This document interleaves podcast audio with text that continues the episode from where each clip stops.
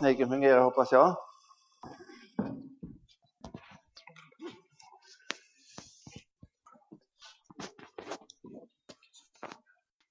Ja, halleluja. Nu var det kraft på, nu hör jag det. Ja. Det är bra med ungdomarna. Nu är det fantastiskt, man kommer in i kyrkan så hör man att här är ljud någonstans. Jag öppnar en dörr lite grann för glänt så hörde jag kriget var i full igång. Så man kommer in så blir man välkomnad med en kram och får förbön. Det är ju inte självklart i min ålder. De kunde ju lika gärna fråga vad, vad ska du här göra gamla gubbe? Det är gott i Guds rike. Det är ju att älska varandra, stödja och hjälpa varandra. Och jag är tacksam att jag får stå här uppe idag på nytt igen. Tisdags för knappt två veckor sedan vi skulle samlas till bön i Ria. Maria så, så kom Jan till, fram till mig före bönen så sa han att kan du predika söndagen den 24? Och jag sa jag ska, jag ska fråga Herren nu bönen så, ska, så, så kan vi prata om det sen. Och eh, då så under bönestunden så fick jag ämnet för min predikan här ikväll.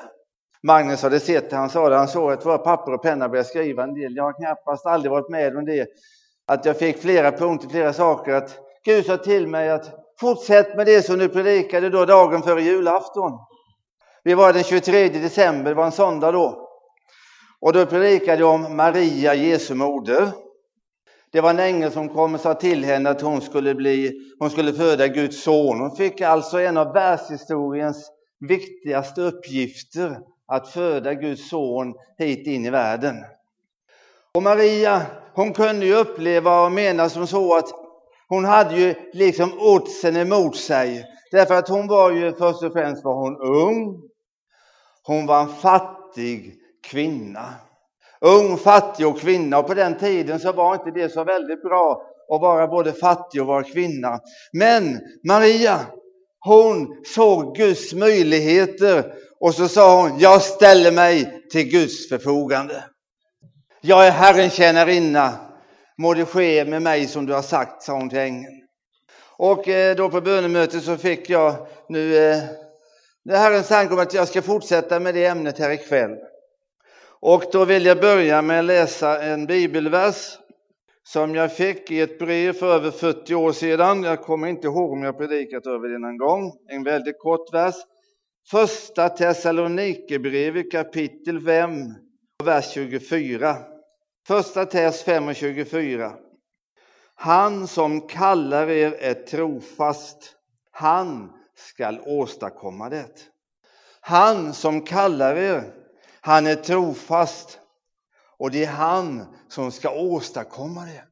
Att han som kallar oss är trofast, alltså Gud är trofast. Det har säkert många av oss fått uppleva.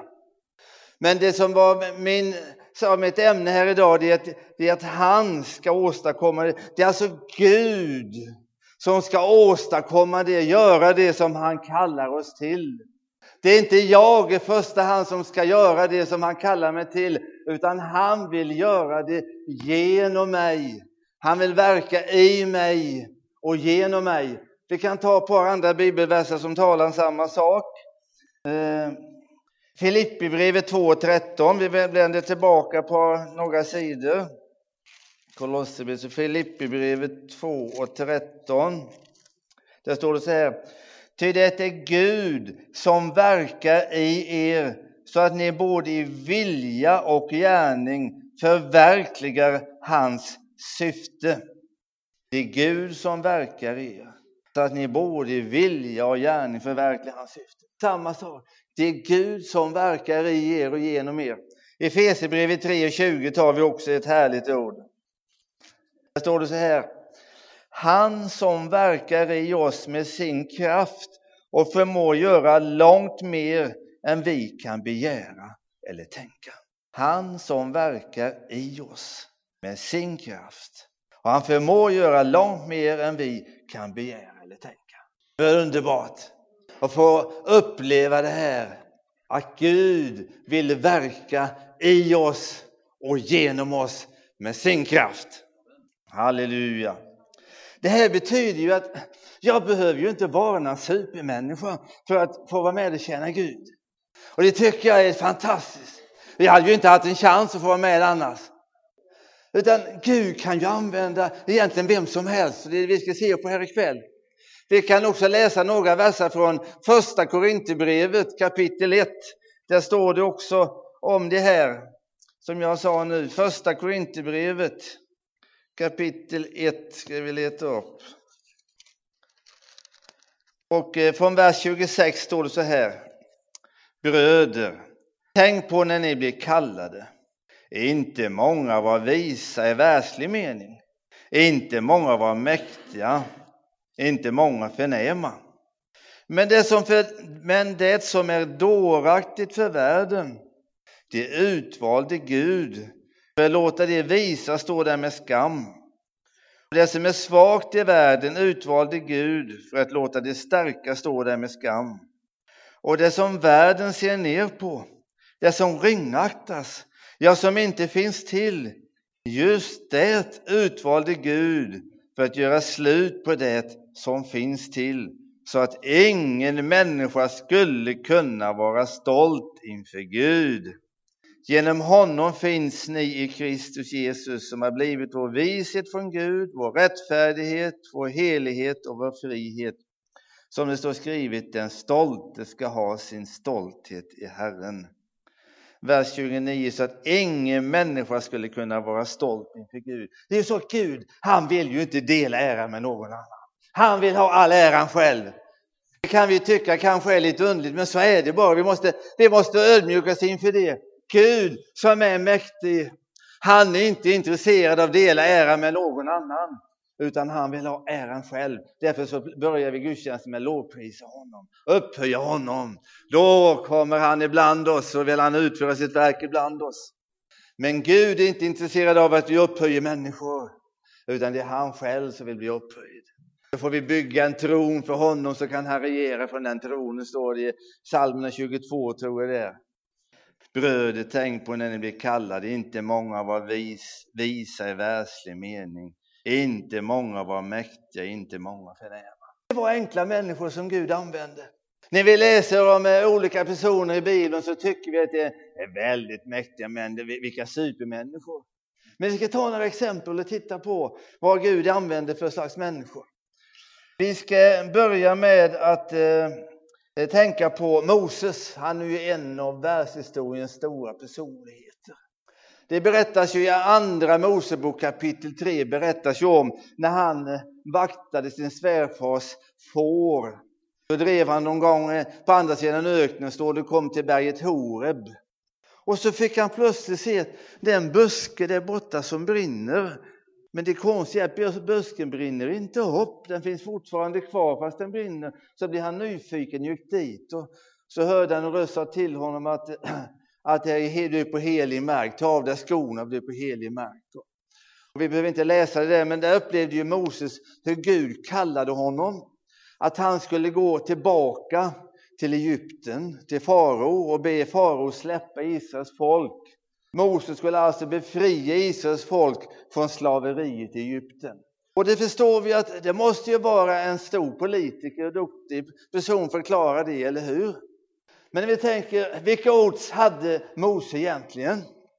Ja, starten i livet var inte så speciellt lysande. Han var ju dödsdömd redan från födelsen.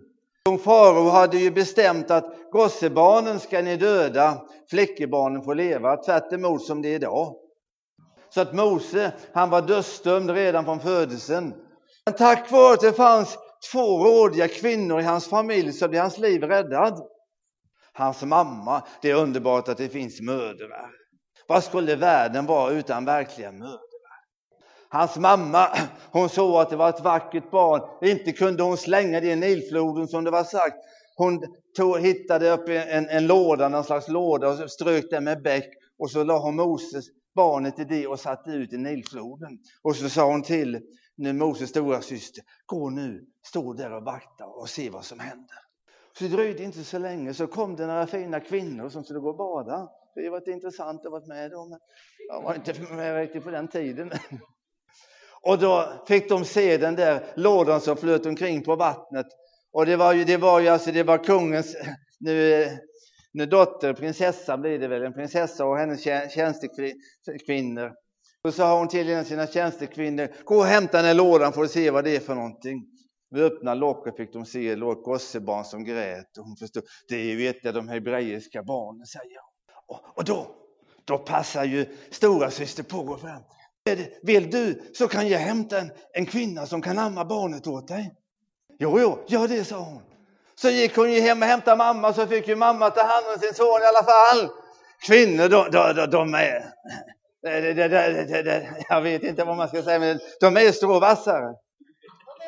Det var, Gud såg att Adam, han klarade sig inte riktigt bra själv. Det är klart att han sa, han sa att det fanns inte en sån hjälp som han behövde, men nu skapade han kvinnan som var strå vassare. Han visste att Adam behövde någonting, ett bra redskap till hjälp. Mose hade en dålig start. Men småningom kom han ju in i, i, i faraos hov där och fick eh, lära sig, fick ju en undervisning där, Egyptens kunnande där. Det står ju på andra ställen, vi behöver inte ta upp det. Men vi förstår att han, han fick lära sig en hel del. Men nu vid det här tillfället så levde han ju som flykting i ett annat land och vaktade svärfars får. Det var ju ingen speciellt hög status. va? Var fåraherde och till och med var det svärfars får. Det var ju kanske inte så särskilt roligt. Hade det varit hans egna så hade det varit lite annorlunda. Men det är ju inte alla som gillar kanske att behöva arbeta hos svärfar. Han var flykting där. Han hade fått fly för sitt liv därför att Mose var lite ivrig av sig. Så att eh, när han en dag var ute och såg en egyptier som, som misshandlade eller uppträdde felaktigt mot en hebré så dödade Mose Egypten. Men tyvärr så hade det kommit, kommit fram, folk fick reda på det, han var tvungen att fly för sitt liv. Nu var han som flykting där i Midjans land och vaktade får och svärfar. Och så fick han kallelsen. Och man kan ju se det som ett specialerbjudande. Men Mose han säger, ack herre, jag är ingen talför man, säger han. Jag klarar inte det här. Hur ska jag kunna gå in för farao och be honom att han ska släppa ditt folk? Jag är ingen talför man. Jag är det inte nu heller fast du har talat till mig. Till slut så blir Gud riktigt irriterad på honom. Du har ju din bror Aron. Jag ska sända honom och hjälpa dig. Han kan vara mun åt dig. Mose, han, han gick ju åstad. Han svarade ja på kallelsen så småningom. Och när vi läser i fjärde Mosebok 12 och 3 så står det att Mose, han var den mest saktmodiga man som fanns på hela jorden. Och eh, det här tycker jag talar om att Gud hade verkligen fostrat honom under hans eh, år som fåraherde där ute i öknen. Mose är inte den enda av gudsmännen som har blivit fostrad genom att vara ute i öknen. Det är andra profeter och stora personligheter i Gamla Testamentet som upplever samma sak. Att få vara i ensamhet med Herren ute i öknen, det kan fostra människor. Moses som hade varit lite häftig, hade lite bråttom, han var nu den mest saktmodiga människan och det behövdes säkert. Tänk att vara ute i en öken med flera miljoner människor som knorrade och hade sig där Israels folk när han skulle leda dem ifrån Egypten till, till, till löfteslandet. Det var ingen lätt uppgift. Jag skulle inte för ett ögonblick vilja byta med honom. Tänk att ha alla de där knorrande människorna. Men Mose, han var saktmodig. Han, jag ser upp Mose räknar som en av de största personligheterna i Bibeln. Men som sagt, han, han hade oddsen emot sig ifrån början. Men Gud fostrade honom, formade honom och Gud var med och verkade genom honom så att det lyckades. Vi kan ta ett litet exempel till från Gamla Testamentet. I Domarboken där berättas det om när Israels folk hade kommit in i löfteslandet. Och då levde de ett, ett jojo-liv kan vi säga. Det gick upp och ner. Så länge Josua var ledare gick det bra. För då hade de en ledare som hade varit med och upplevt vem Gud är. Men när Josua dog så blev det folket avföljde från Gud. Och sen när det blev riktigt illa så fick Gud sända något främmande makt som förtryckte dem och så ropade de till Herren och så sände Gud en domare som befriade dem. Och I kapitel 6 så står det att på grund av att Israels folk hade avfallit från Gud så hade han givit dem i Midjans våld. Midjan det var det landet där Mose hade varit, hans svärfar som hade fåren. Och Midjans folk förtryckte Israels folk. Och så står det om hur Guds ängel kom en dag till en man som hette Gideon. Och eh, det står i Domarboken kapitel 6. Och vi kan läsa några verser från eh, vers 11. Och Herrens ängel kom och satte sig under terebinten vid Ofra, som tillhörde arbetsriten Joas. Denne son Gideon höll på att klippa ut vete i vinpressen för att bärga det undan Midjan. För honom uppenbarade sig nu Herrens ängel sa till honom. Herren är med dig, du tappre stridsman. Gideon svarade. Ack min herre, om Herren är med oss, varför har då allt detta kommit över oss? Och vara alla hans under, om vilka våra fäder har berättat för oss och sagt, se Herren har fört oss upp ur Egypten. Nu har ju Herren förskjutit oss och gett oss i Midjans våld. Då vände sig Herren till honom och sade, gå i denna din kraft och rädda Israel ur Midjans våld. Se, jag har sänt dig.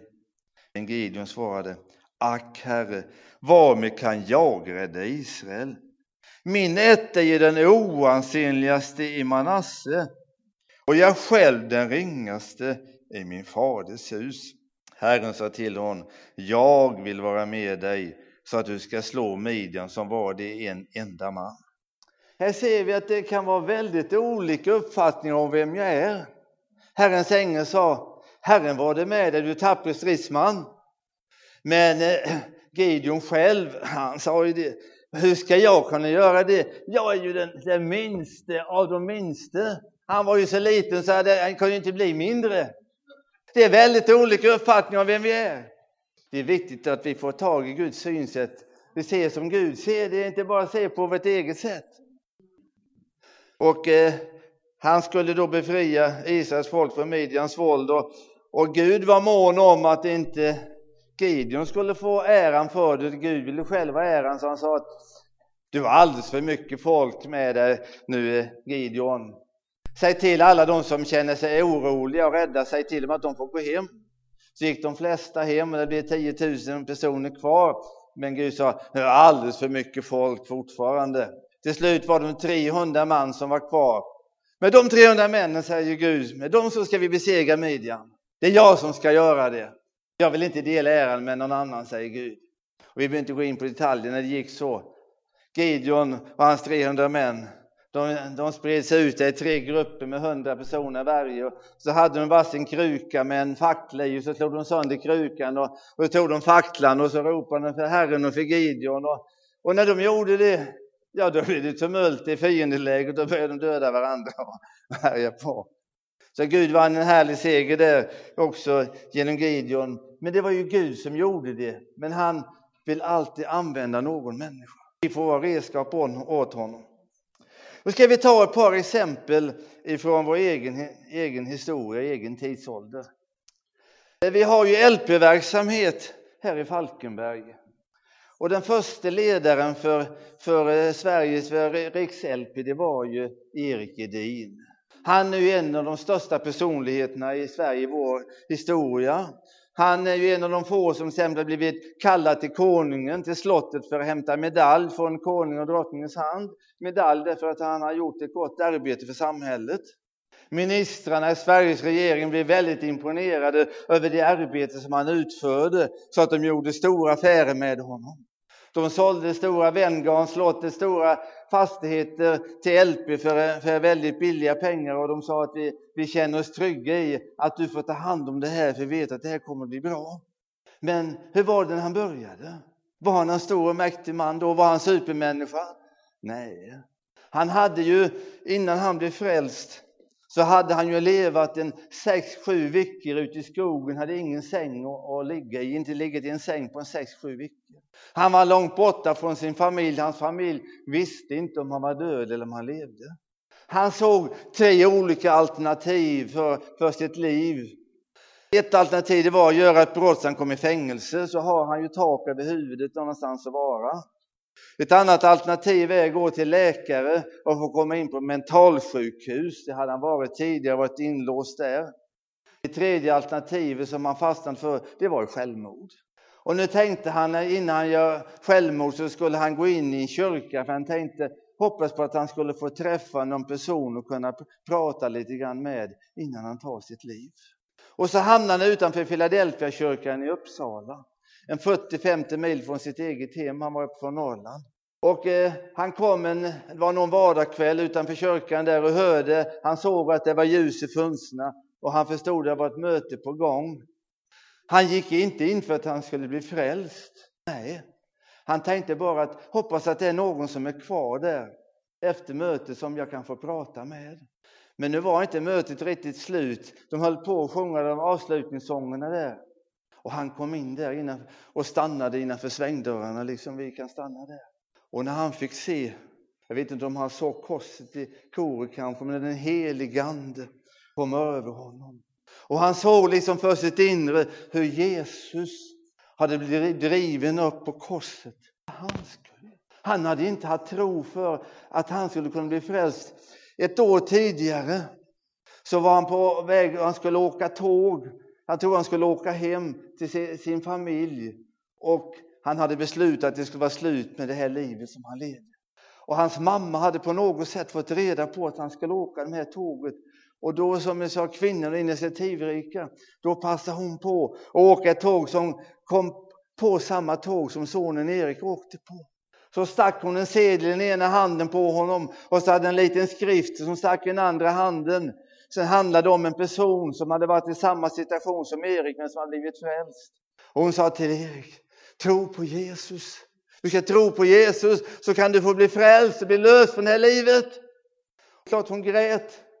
Erik, han blev gripen när mamma kom in där. Och han säger att, jag, tror, jag måste läsa lite grann härifrån, den boken, jag hittade den i min bokhylla igår. När hon lämnade tåget efter dessa sju, åtta minuter skakade hon och gråt. Jag vet att hon sörjde mig mer än om hon hade burit mig i graven. Inte för ett ögonblick kunde jag tro att mamma inte var trovärdig. Men jag kunde inte förstå hur något så enkelt skulle kunna förvandla en människa i min situation. Att hon kunde påstå att något så enkelt som tron på Jesus skulle kunna rädda mig. Jag som hade haft möjlighet att konsultera de allra främsta specialisterna i Sverige på alkoholområdet. Hon ville inte misstro mamma på det minsta. Men hur i all sin dag skulle någonting så enkelt som att tro på Jesus, hur skulle det kunna rädda mig? Jag hade ju varit hos Sveriges skickligaste specialister på det området och de hade inte kunnat hjälpa mig. Hur skulle då det här enkla benavla kunna hjälpa mig? Men han stod innanför svängdörrarna så började hans liv rulla upp för honom. Och han konstaterade att det är inte mycket med mitt liv, det är fullständigt misslyckat. Skulle jag fråga min pappa om jag får låna fem kronor så skulle han inte satsa på mig, för jag har ingenting att satsa på. Men Jesus, han gick upp på korset för mig. Så småningom så hamnade han framme vid första bänken, kastade sig i Guds famn. Det dröjde en stund innan det var någon som reagerade, för det är klart att få se den mannen, de såg ju på den yttre talade om att det här var inte något riktigt pålitligt. Men så småningom var det någon som började bedja för honom. Och efter förbönen så blev han erbjuden att få följa med en broder med hem över natten. Men han sa nej, jag kommer inte med hem. Då tror ni att jag kommit hit och bett om förbön för att jag ska få logi. Så han låg ute en natt till. Men sedan tog jag kontakt med släkting där i närheten. Han hade en kristen släkting eller vem som helst han tog kontakt med och fick på nytt sova i en skön säng. Och så småningom så kunde han själv få börja arbeta och dela med av sitt vittnesbörd för andra som var i liknande situation som honom. Och så när han fick kontakt med Levi Petrus, hade en klar vision och berättade för Levi Petrus, den gamle mannen som hade varit med tillsammans med Herren i många år, då öppnas en dörr för honom. Att vara med och bygga upp det här fantastiska arbetet inom LP. Gud såg att Erik Edin, det var inte mycket med honom. Det var ingen som trodde på honom för en krona. Men Gud, han visste. Får jag ta honom i min hand? Får jag fostra honom och forma honom? Så kan han bli ett, ett, ett kärl för hedersbruk. Det är en fantastisk Gud vi har när vi ger honom möjlighet att verka i oss och genom oss. Halleluja! Jag vet hur det är för mig själv. För några veckor sedan så träffades vi syskon, de flesta av mina syskon, för jag hade en bror som fyllde 85 år. Som vanligt så var det några som poängterade, ja den där Helge han var ju värdelös när han var liten, han kunde ju inte hjälpa till med någonting, det var ju hopplöst med honom. Vi trodde det inte skulle bli någonting av honom. Men när Gud fick ta hand om mig så blev det vad det blev. Jag gråter många tårar inför den här predikan. Tänk vad Gud kan ta hand om Erik Edin. Och vi kan tänka på en person till. Claes-Göran påminner mig häromdagen om han hade sett Ludvig Karlsson på tv. Ludvig Karlsson, han som var ledare för Evangeliecenter i Norge. Han hade det ju inte bättre. Han växte upp, hans släkt tillhörde reisefolket. Även någonting liknande tattare eller zigenare eller något sånt där. Det är folk, lite löst folk som flyttar från plats till plats. Det blir ett oroligt liv för honom. Att inte få gå i samma skola, få byta kamrater hela tiden. Han kom in på brottets bana. Det gick så långt, han var i Sverige och gjorde en massa brott. Det gick så långt så han var på livstid portförbjuden i Sverige. Han skulle aldrig få komma in i Sverige mer. Han försökte ta sitt liv en gång, han och hans fru kom, de kom i delar med varandra. Han gick in i sängkammaren och tog geväret och sköt ett skott. Skott gick av, men han dog inte. Han kom tillbaka in till frugan igen. Dagen efter så var de och besökte hans mamma, träffade hans mamma, så sa hon, vad gjorde du igår eftermiddag klockan 15? Jag fixade nöd för dig, jag var tvungen till att gå och böja knä och be till Gud för dig, sa hon. Det var just då när skottet gick av. Det är bra när det finns mödrar. Det ska vi vara tacksamma för. Han startade det stora arbetet i Evangeliecentret. Det, det, är väl ett av världens snabbaste växande arbete på det här området. Det är ju sa, det är samma som LP-rörelsen. Han hade 20 kronor på fickan, det jag påminna Claes häromdagen. Jag kommer ihåg, jag läste om det. Det är inte mycket, ha 20 kronor på fickan, har varit en utslagen människa, en brottsling som har varit portförbjuden i grannlandet och så startar sånt arbete. Halleluja! Han fick vara med och undervisa i riksdagen, eller det heter väl Stortinget, tror jag Norge var, och riksdagsmän där undervisade om andakter för dem. Han fick en stadsbegravning, han dog. Förstår att Gud kan ta hand om vem som helst. Vi ställer oss till hans förfogande. En eh, intressant detalj till, han var, när LP-verksamheten i Sverige, jag tror det var 40-årsjubileum någonting, hade i Stockholm så var ju åtminstone statsministern var med. Jag minns inte om Silvia och Carl Gustaf var med, men åtminstone statsministern Ingvar Carlsson var med där. Då blev Ludvig Carlsson inbjuden dit. Då fick han komma över till Sverige. Då sa han till min vän Christer Lindberg från Finland, sa det här skulle mamma sett, sa han. Mamma som hade bett till Gud för honom i flera år. Men det gav resultat. Det gjorde Halleluja. Det, det, det, det, det är en fantastisk Gud vi har. Och jag tror väl inte att jag är ensam om att brottas med det här med kallelsen.